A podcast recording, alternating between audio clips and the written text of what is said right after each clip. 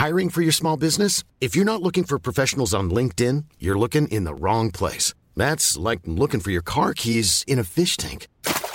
LinkedIn helps you hire professionals you can't find anywhere else, even those who aren't actively searching for a new job but might be open to the perfect role. In a given month, over 70% of LinkedIn users don't even visit other leading job sites. So start looking in the right place. With LinkedIn, you can hire professionals like a professional. Post your free job on linkedin.com slash people today. Hey, Dave. Yeah, Randy. Since we founded Bombus, we've always said our socks, underwear, and T-shirts are super soft. Any new ideas? Maybe sublimely soft. Or disgustingly cozy? Wait, what? I got it. Bombus. Absurdly comfortable essentials for yourself And for those facing homelessness. because one purchased equals one donated. Wow, did we just write an ad? Yes. Bombas. Big comfort for everyone. Go to bombas.com slash ACAST and use code ACAST for 20% off your first purchase. Ready to pop the question? The jewelers at BlueNile.com have got sparkle down to a science with beautiful lab grown diamonds worthy of your most brilliant moments. Their lab grown diamonds are independently graded and guaranteed identical to natural diamonds, and they're ready to ship to your door. Go to BlueNile.com and use promo code LISTEN to get $50 off your purchase of $500 or more. That's code LISTEN at BlueNile.com for $50 off. BlueNile.com code LISTEN.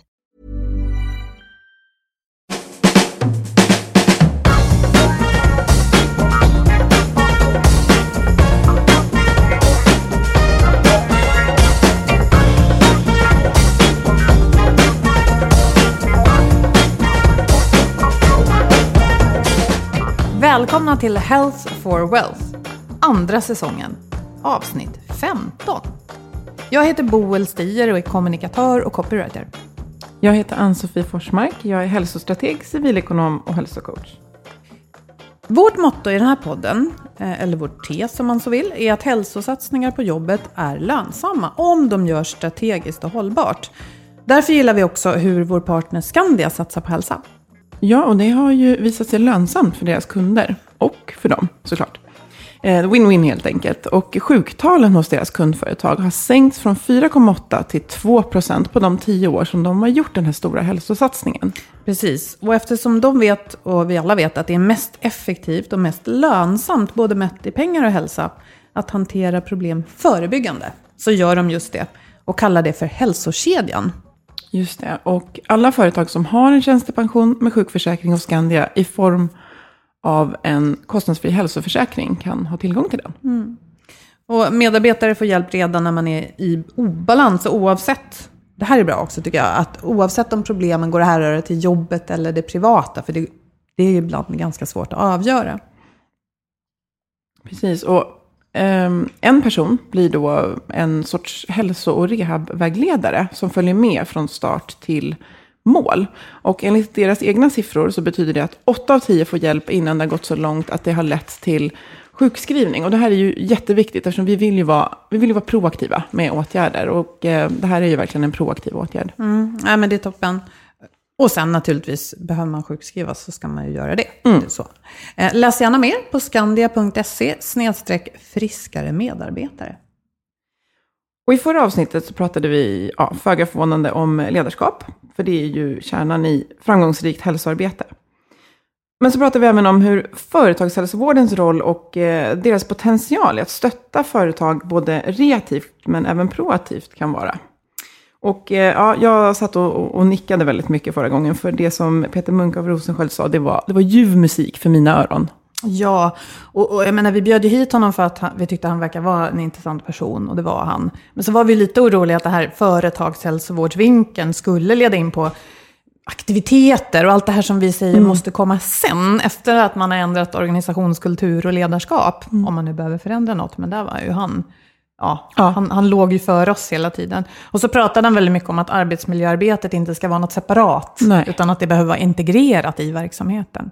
Och det gillar jag. Det gillar vi båda två, precis. Och det tror jag att vi får ett ämne som vi får återkomma till. Mm, absolut. Mm. Ledarskap är också ett centralt tema i vår frukostworkshop den 25 november. November, precis. Och vi hoppas det blir konkreta, eller vi tror, vi vet, att det kommer bli konkreta råd för chefer och ledare. Och vi hoppas att ni går in på vår hemsida under bloggsidan och där kan ni läsa mer. Och Vi ser fram emot en riktigt givande förmiddag på Allt för hälsan i Älvsjö i november. Idag ska vi också prata ledarskap. Och om att vända förlust till vinst med hälsan i behåll. Pernilla Gravenfors är vd på Holiday Club och var tidigare vd på Copper Hill och är mitt uppe i att driva ett stort förändringsarbete. Välkommen Pernilla! Tack så mycket. Eh, du får förstås börja och berätta lite om din bakgrund och vem du är och hur det kommer sig att du bor i Åre. Ja, vi kan ju börja med att det är ungefär sju år sedan jag flyttade till Åre. Och vi pratade precis om det här innan vi satte igång att eh, jag var egentligen på väg till Australien men jag hamnade i Åre. Och det är jag väldigt nöjd och glad över. Jag och familjen trivs extremt bra. En bra blandning av god livskvalitet. Eh, där vi kan få utrymme för att göra massa trevliga, härliga saker med familjen. Samtidigt så får jag också ynnesten att ha ett väldigt stimulerande jobb. Först då som VD för COPRIL och nu som VD för Holiday Club. Och framförallt då leda förändring som jag gillar. Och jobba med organisationsutveckling och ledarskap. Så det känns jättespännande. Men det har du gjort tidigare också, eller hur? Eh, innan du kom till Åre. Ja, jag har ju jobbat i hotellbranschen i 20 år. Så att jag har hållit mig inom en viss ram. eh, Men jobbat för ett dansbolag innan, eh, på, framförallt på västkusten. Lite i Norge och lite i Danmark. Så att det är liksom mitt liv. Men så fick du den där frågan då när ni egentligen var på väg till Australien. Vill du berätta vad som hände då? Ja, vi satt ju hemma vi, i soffan och eh, fyllde i massa papper. Och så ringer en kille som heter Daniel Stenbeck, som jag känner sedan innan. Och så säger han att nu är det sista gången jag ringer till dig.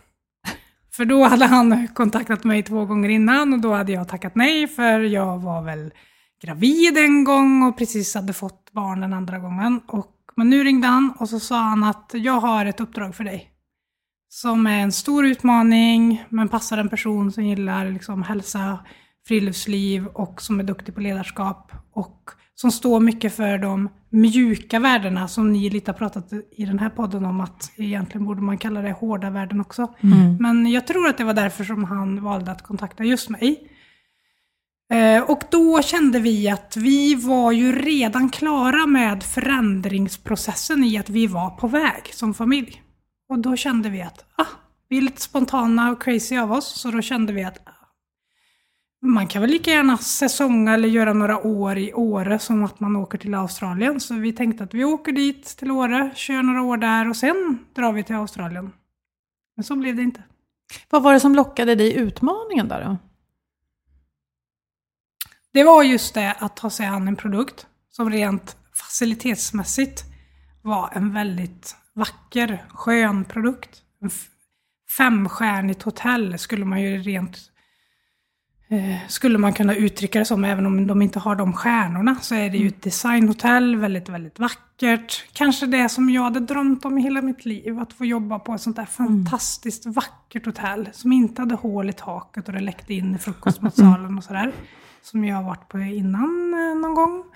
Och um, den drömmen av att jobba på ett sånt ställe och putta in de mjuka värdena också.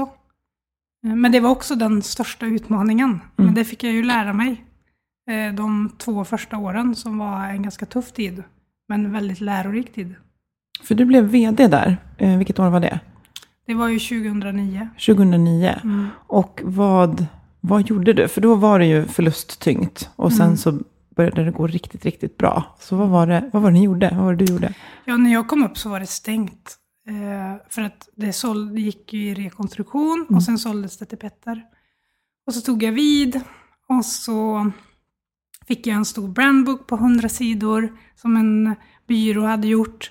Så tog jag den under armen och så satte jag igång. Jag kom den 16 november, personalen den 23, sen öppnade vi hotellet den 1 december. Och all personal var rekryterad av ett rekryteringsföretag. Så att det här med förankring, skapa förtroende i ledningsgruppen, ja, allt det där som jag visste efter 20 år som man skulle göra, Ja. hade jag ju inte riktigt tiden till. Så att jag rusade rakt in i mitt livs största utmaning. Fast jag var på det vackraste hotellet som jag någonsin har varit. Och det är också en sån härlig eh, kunskap att veta att det liksom sitter inte i det fysiska. Nej. För att då försökte jag ju driva det hotellet på det de fysiska värdena den eh, vintern. Och det gick ju inte bra. Inte alls bra. Utan sen så fick vi, jag minns en historia, jag står i lobbyn. Det kommer fram en man till mig och så säger han, är det du som är chef här? Ja, säger jag.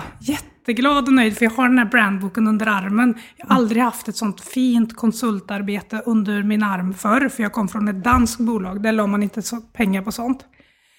Och så säger han så här, hur kommer det sig att ett sånt här fantastiskt ställe eh, väljer att stänga badet klockan 18, så mitt barn inte får komma in och simma och bada? Och jag blir helt ställd och jag liksom kramar den här boken så tänker jag så här, men jag har ju läst de här hundra sidorna. Någonstans så måste väl, något av de här orden måste väl komma till mig nu. Så att jag kan svara honom på den här frågan. Men jag minns att jag stod helt tyst och han fortsatte skrika på mig och var väldigt upprörd och arg. Och jag minns inte ens riktigt hur det där samtalet avslutades. Eh, sen så stängde vi igen hotellet efter säsongen. Vi satte oss ner, vi tittade på det här fantastiska materialet och konstaterade att det var ju inte vi. Nej. Det var ju någon annan som hade skrivit det där. Och, och framförallt så fanns det inget svar på frågan varför. Som är en av mina kärnfrågor i mitt ledarskap när jag driver en verksamhet. Att om inte svaret på varför finns så blir det väldigt svårt att svara på någonting som inte exakt är nedskrivet. För det var ju vad som hände, att jag visste ju inte riktigt vad vi stod för och vilka vi var. Alltså kunde jag inte improvisera och hitta ett svar till honom varför vi stängde badet klockan 18. Men det komiska är att nästa vinter så möter jag samma man och först undrar jag ju lite vad, vad han gör där. Eh, Eftersom han var så upprörd på mig förra vintern. Det tänker jag, men jag säger ju givetvis inte det. Och då småpratar vi lite, men så orkar han inte låta bli utan han frågar ju att ja, ni har ju fortfarande en regel att ni stänger badet klockan 18. Liksom slänger han ur sig i slutet. Och trots att jag, vi då hade tagit den här buntan med 100 sidor brandbook och slängt i papperskorgen och istället tagit ett enda A4 och skapat en egen kompass utifrån våra erfarenheter och de faciliteter vi hade. Ja, vi hade bara det A4, vilket gjorde att dels så hade vi svaret på frågan varför. Vad var vårt mission? Varför fanns det här hotellet? Varför var vi där? Varför var jag där? Det var så självklart för mig då. Så då kunde jag väldigt lätt hantera hans fråga och säga att, men vet du, jag är ju bästa kompis med skidskolechefen. Jag pratar med Robin. Jag ser till att din son får gå i en skidskola lite tidigare. Så kommer ni tillbaka redan klockan tre och då hinner ni bada i tre timmar. Det hade jag kunnat säga första vintern också. Men jag förstod inte. Jag blev osäker på det. Jag ifrågasatte vårt eget beslut. Så att, ehm, Någon annan hade satt ramverket och du hade inte, som du sa då, ditt varför. mm. Ja men vad häftigt, för du nämnde tidigare Petter, jag vet inte om vi liksom sa ut hela namnet där, men det är Petter Stordalen. Eh, Om man beskriver honom med ett eh, alltså, hotell... eh, Magnat. Magnaten, den norska. Eh, och, och det låter ju väldigt tjusigt med en brandbook som du säger, men att det måste vara förankrat. Och det kan man kanske inte riktigt köpa sig till som en konsulttjänst. Nej, alltså det är ju väldigt bra att göra det tillsammans med konsulter som har det som specialområde, men då måste man ju göra det tillsammans. Men det som var med den här brandboken, det var ju, stora delar av det var ju gjort av de tidigare ägarna. Så det var ju lite så här, okej, fortsätt göra det som de tänkte att de skulle göra, men som de inte riktigt lyckades med. Nej. Så att det blev ju liksom lite fel. Eh, Men för ni lyckades, när du lämnade Copperhill, då hade ni vänt miljonförluster till miljonvinst på hur många år? Ja, jag började ju 2009 och så slutade jag ju i våras, i april.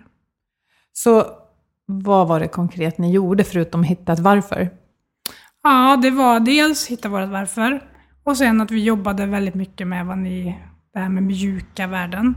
Att det spelar tyvärr ingen roll om man bygger ett femstjärnigt hotell. Eh, så får man inte automatiskt massa nöjda gäster som kommer tillbaka och betalar massa pengar. Utan det sitter i de människorna som är på hotellet och den kulturen som man har skapat. Så att vi, vi gick verkligen, vi satte vårt varför och vi jobbade med att ta fram det gemensamt. Så att om ni tittar på den kompassen så är det väldigt oavancerad, det är inte så mycket fina bilder och inte så mycket fina ord. Men det var någonting som vi verkligen kände att vi stod för, någonting som vi verkligen brann för och som var vi. Och det har vi pratat väldigt mycket att det är en sak att ha ett koncept, det kan många företag ha, verksamheter. Men att för mig så är det viktigt att man skapar en atmosfär kring att man blir konceptet. Att jag är konceptet. Att man verkligen så förstår vad det är man vill åstadkomma. Så dels så tror jag att det var det. Och sen att vi jobbar väldigt mycket med de mjuka värdena på ett väldigt enkelt sätt. Som min mormor, 99 år, brukar säga från Värmland att men det där är ju bara sunt bondförnuft. Ska man behöva prata om sånt? Och det kan man ju tycka att, ja, ska man behöva prata om hur man står och går och hur vi hälsar på varandra? För det börjar ju med det interna värdskapet. Så vi jobbade extremt mycket med hur får du känslan av att känna dig väntad och välkommen till jobbet? Och när vi väl hade satt alla de sakerna och satt den kulturen, då var det ju ganska enkelt att sen leverera något mjukt och bra och genuint till gästen. Så att det blev ju den bästa av två världar på något sätt, att ha en sån vacker produkt, men sen också ha de här starka mjuka värdena eh, som kom inifrån. För har man ett frågan, svaret på frågan varför, om man är konceptet, så behöver man ju inte skriva skriftliga instruktioner till sina medarbetare, för det tror jag inte så mycket på. Det är inte så utvecklande att någon annan hela tiden berättar för dig vad du ska säga och vad du ska göra. Utan låt dem förstå vad det är man ska göra och var man är på väg, men att de får liksom ta egna initiativ under resan. Då blir det ju kul för alla. Vi hade sjukt kul under de åren. Jättekul. Man längtade att åka till jobbet. Och hur liksom konkret, jag tänker att här måste man ju, ni gjorde det tillsammans, och man måste ju mötas med liksom personalen. Var liksom representanter med, eller fick liksom, var det någonting som genomsyrade liksom alla möten under en period, eller hur, hur jobbade ni konkret? Vad var ert varför till att börja med? Vad var det ni, var, ni vände er emot, som, eller t- till att jobba mot, så att säga? Ja, vi, vårt varför det var att vi ville vara eh, en mötesplats där världen kunde få möta Jämtland. Eh, och att vi skulle vara som en röd matta ut i naturen. Alltså det finns ju många som kanske inte är den här urtypen av friluftsmänniska som gillar att tälta som du gör, Annie. Utan, men som ändå uppskattar vacker natur. Ja. Men kanske inte vill liksom tälta och vakna upp med snö utanför. Eh, Men att vi kan vara en sån plats där de personerna som, som föredrar att sova i vita lakan, äta god mat och dricka ett glas vin, men ändå liksom ta del av det. Dels av platsen det ligger på, så ser man naturen och det vackra fjället, för det ligger ju på fjället. Eh, eh, men också att man väldigt enkelt kan bara ta sig ut från hotellet, ut i naturen. Så det, sen är det ju andra delar i det här också som går lite djupare. Men det andra svaret på din fråga är att vi involverade, alltså vi körde det som en process. Där vi jobbade i styrgruppen, vi jobbade i driftsgruppen, vi jobbade med alla medarbetare. Var med och workshoppade och eh, satte ord och klippte bilder och ganska traditionellt, men funkar väldigt, väldigt bra. Eh, och att vi inte var petade i att jag hängde upp mig med att jag tyckte ibland kanske att ja, det där ordet, jag hade velat ha det här istället. Men liksom våga lita på processen. För det är det som skapar det, inte vilka ord det står.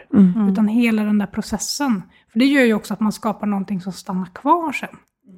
Eh, Så dels det, sen också genomsyrade våra möten. Vi jobbade ju väldigt mycket med medarbetarutveckling och ledarskapsutveckling. För att få det här att rulla och gå varje dag, varje vecka, varje månad, så behöver man ha duktiga, starka ledare som mår bra på jobbet. Så det la jag ju mycket energi på att jobba med teamet, se till att vi mådde bra, fyllde på oss, utvecklade oss. Så vi jobbade med utbildningsföretag också som hjälpte oss med olika koncept. Um, som vi jobbade med under hela den här perioden. Spännande parallell där till att vi har pratat om att ledarskapsutbildningar suger. Men här låter det verkligen som att man har tagit hem liksom ledarskapsutvecklingen på hem och jobbar med den på hemmaplan samtidigt som man utvecklar hemmaplan. Så att, ja. Mm, ja, vi pratade i ett avsnitt nyligen om det här att man skickar iväg en massa ledare på en utbildning. Och sen inte gör något av det när de kommer tillbaka så är det lite bortkastade pengar. Mm.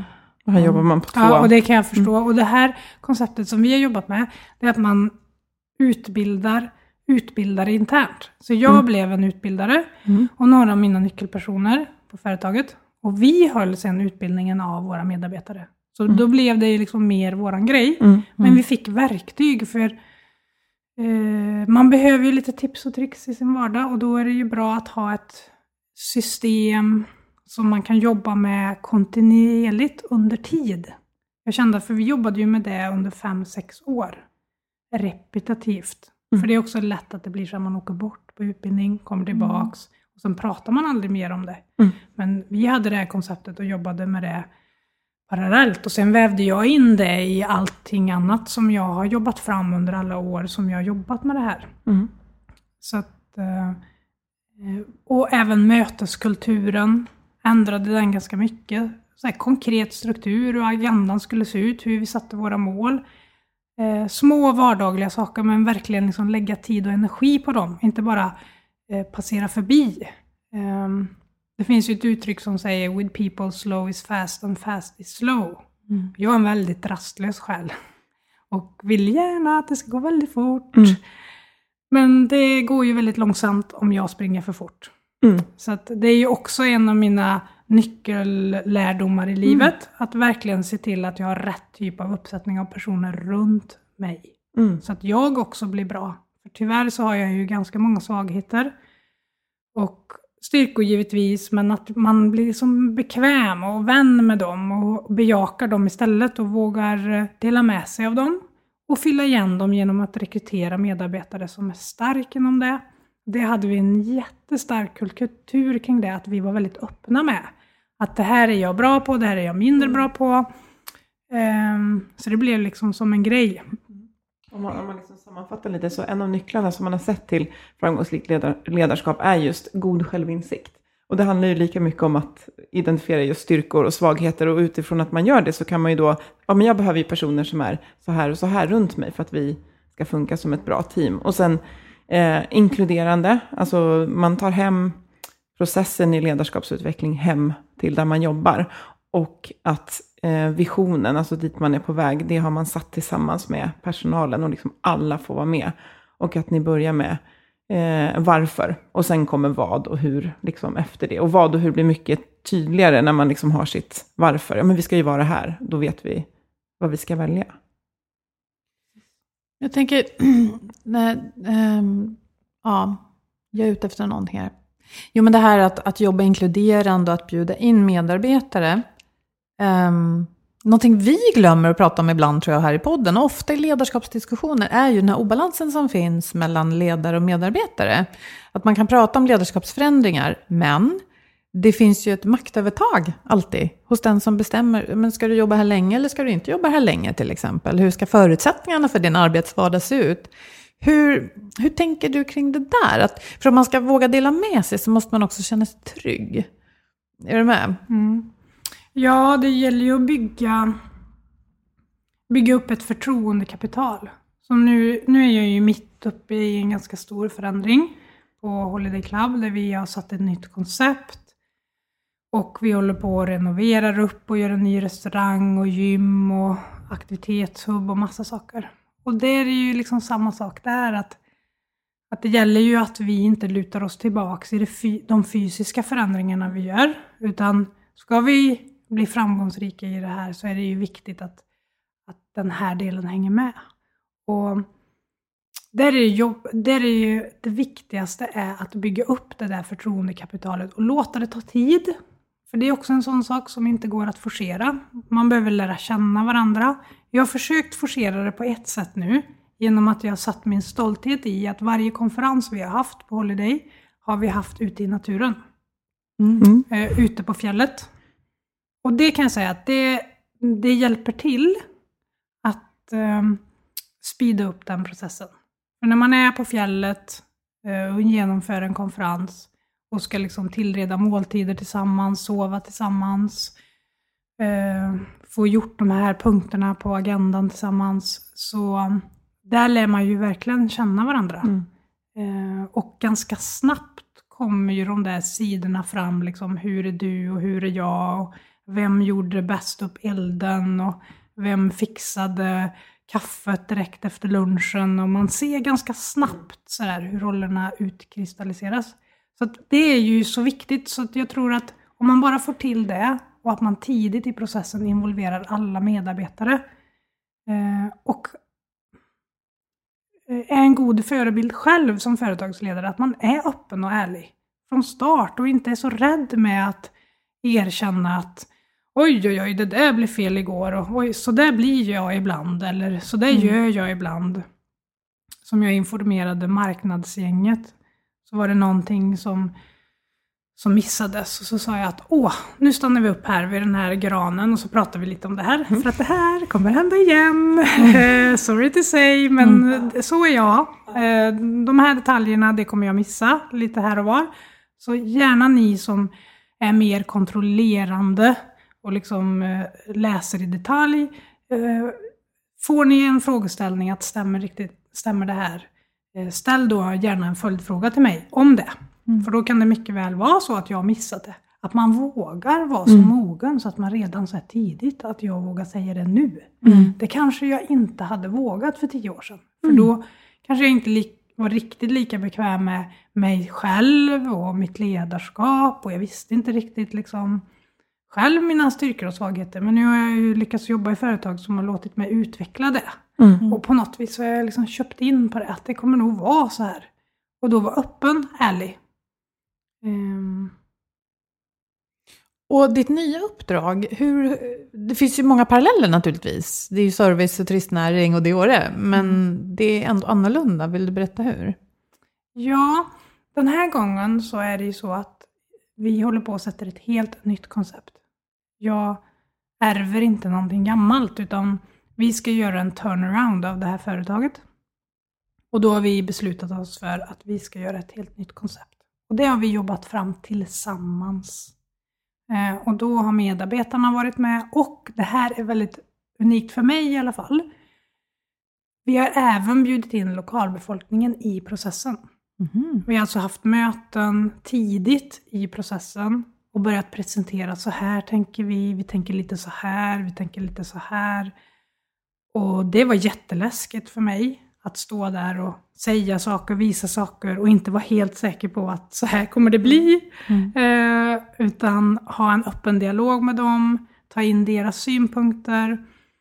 Och så givetvis från personalen. Och det är ju ett koncept som bygger på att fånga upp hela årupplevelsen. Den lokala årupplevelsen vill vi leverera till våra gäster. Vi har två ledord som är rörelseglädje och matglädje. Och i ledordet rörelseglädje så har vi verkligen svaret på vårt varför. Att vi vill på riktigt göra skillnad för familjer och för företag som prioriterar hälsa. Vi vill att alla våra gäster som kommer till oss får uppleva rörelseglädje i någon form. Rörelseglädje för dig kanske är något helt annat än vad det är för mig.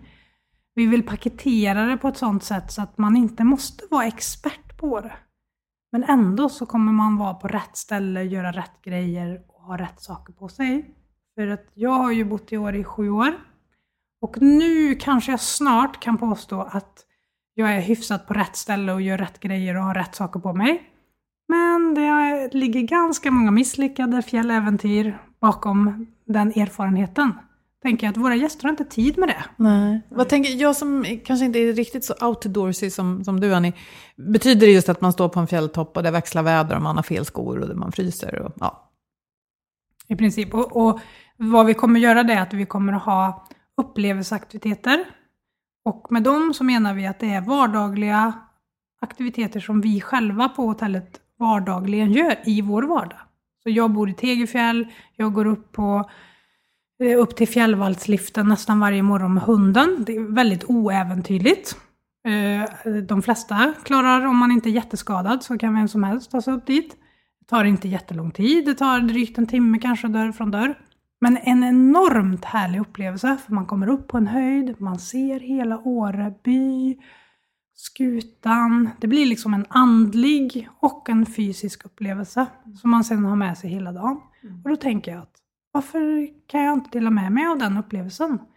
Och sen så har vi också investerat i och byggt ett gym. Där vi kommer att ha då mer traditionella typer av inomhusaktiviteter i komplement. För bara för att man är i fjällen i Åre så måste man ju inte vara utomhus i åtta timmar och frysa och eh, komma in iskall. Utan man kan ju gå ut och göra en koncentrerad upplevelse som är kanske en, två timmar. Och sen så kanske man gör ett skönt eh, yogapass eller ett mental träning eller träna på gymmet. Eh, så att vi ska bygga ihop det. Inomhus, utomhus, lättillgängligt, enkelt. Det ska inte vara för svårt för någon och man ska göra det tillsammans. Framförallt är det också med familjer, att många väljer att mamma och pappa gör en sak och barnen kanske gör något annat. Vi vill våga utmana det lite, att föräldrarna ska våga ta med sig sina barn på en vandring eller löpning eller cykling eller paddling eller SUP eller spinning eller träning på gymmet. Att man faktiskt tränar tillsammans. Då tänk, mm.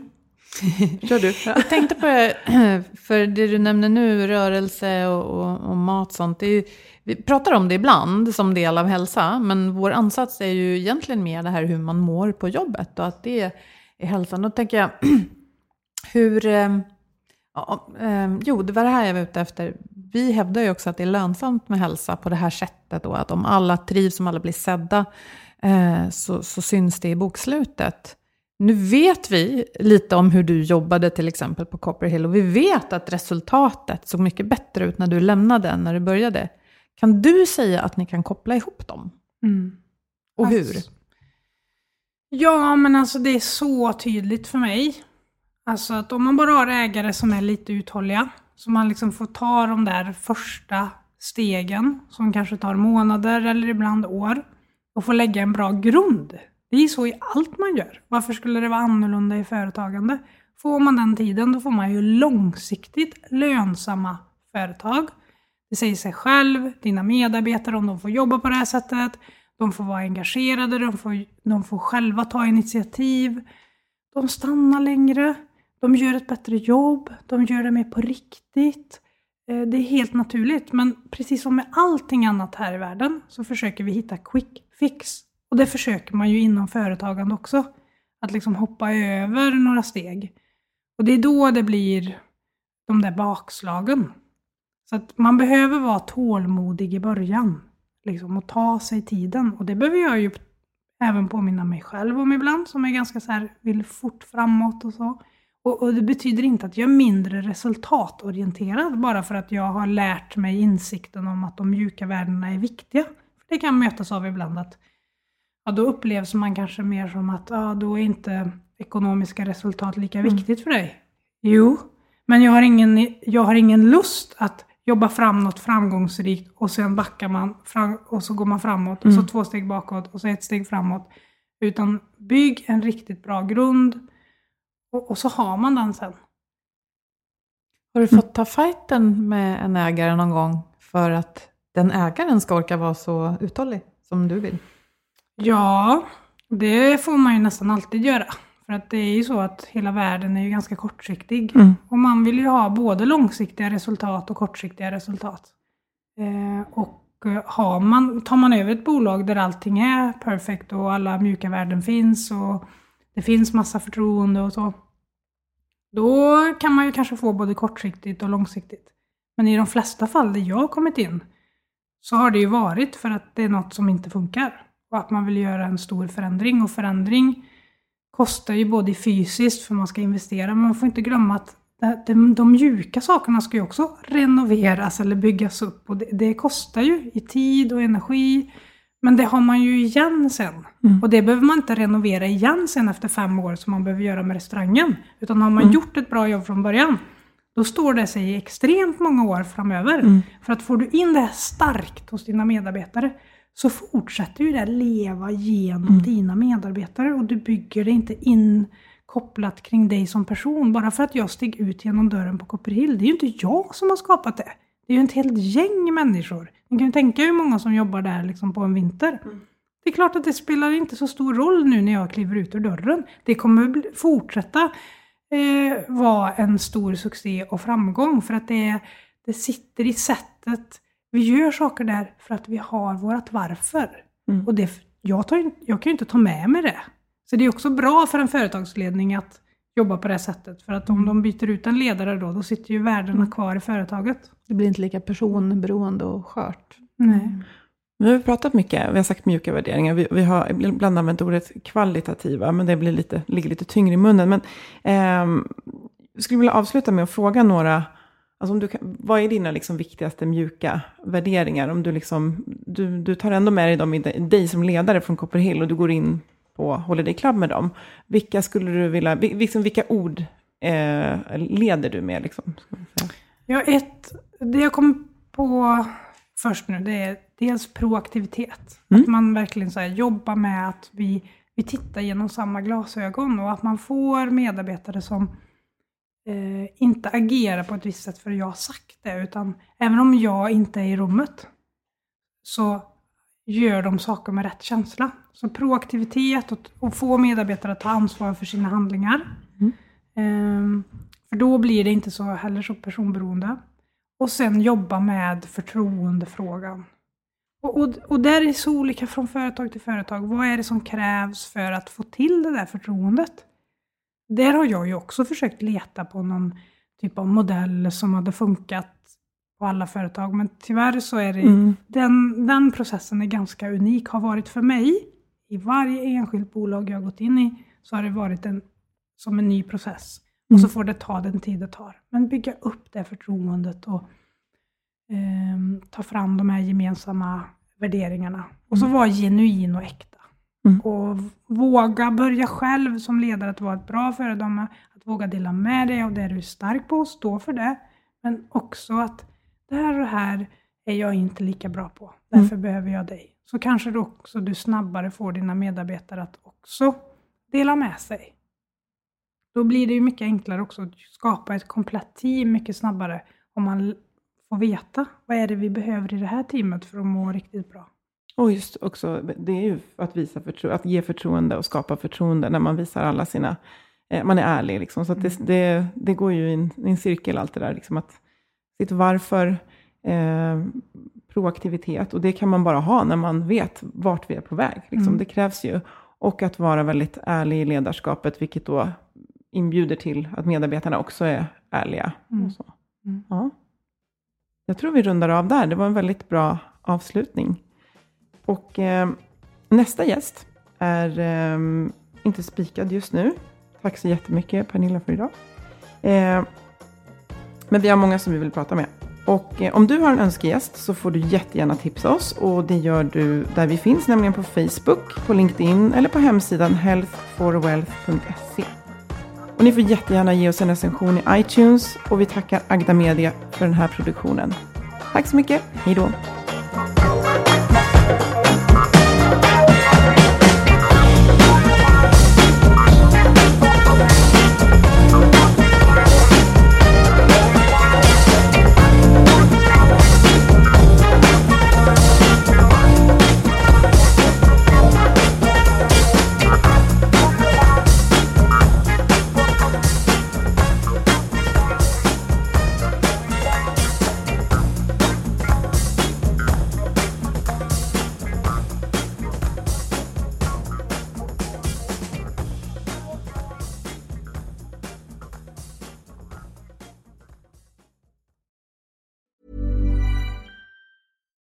Deserves the best, and there's no better place to shop for Mother's Day than Whole Foods Market. They're your destination for unbeatable savings, from premium gifts to show-stopping flowers and irresistible desserts. Start by saving 33% with Prime on all body care and candles. Then get a 15-stem bunch of tulips for just $9.99 each with Prime. Round out Mom's menu with festive rosé, irresistible berry chantilly cake, and more special treats. Come celebrate Mother's Day at Whole Foods Market.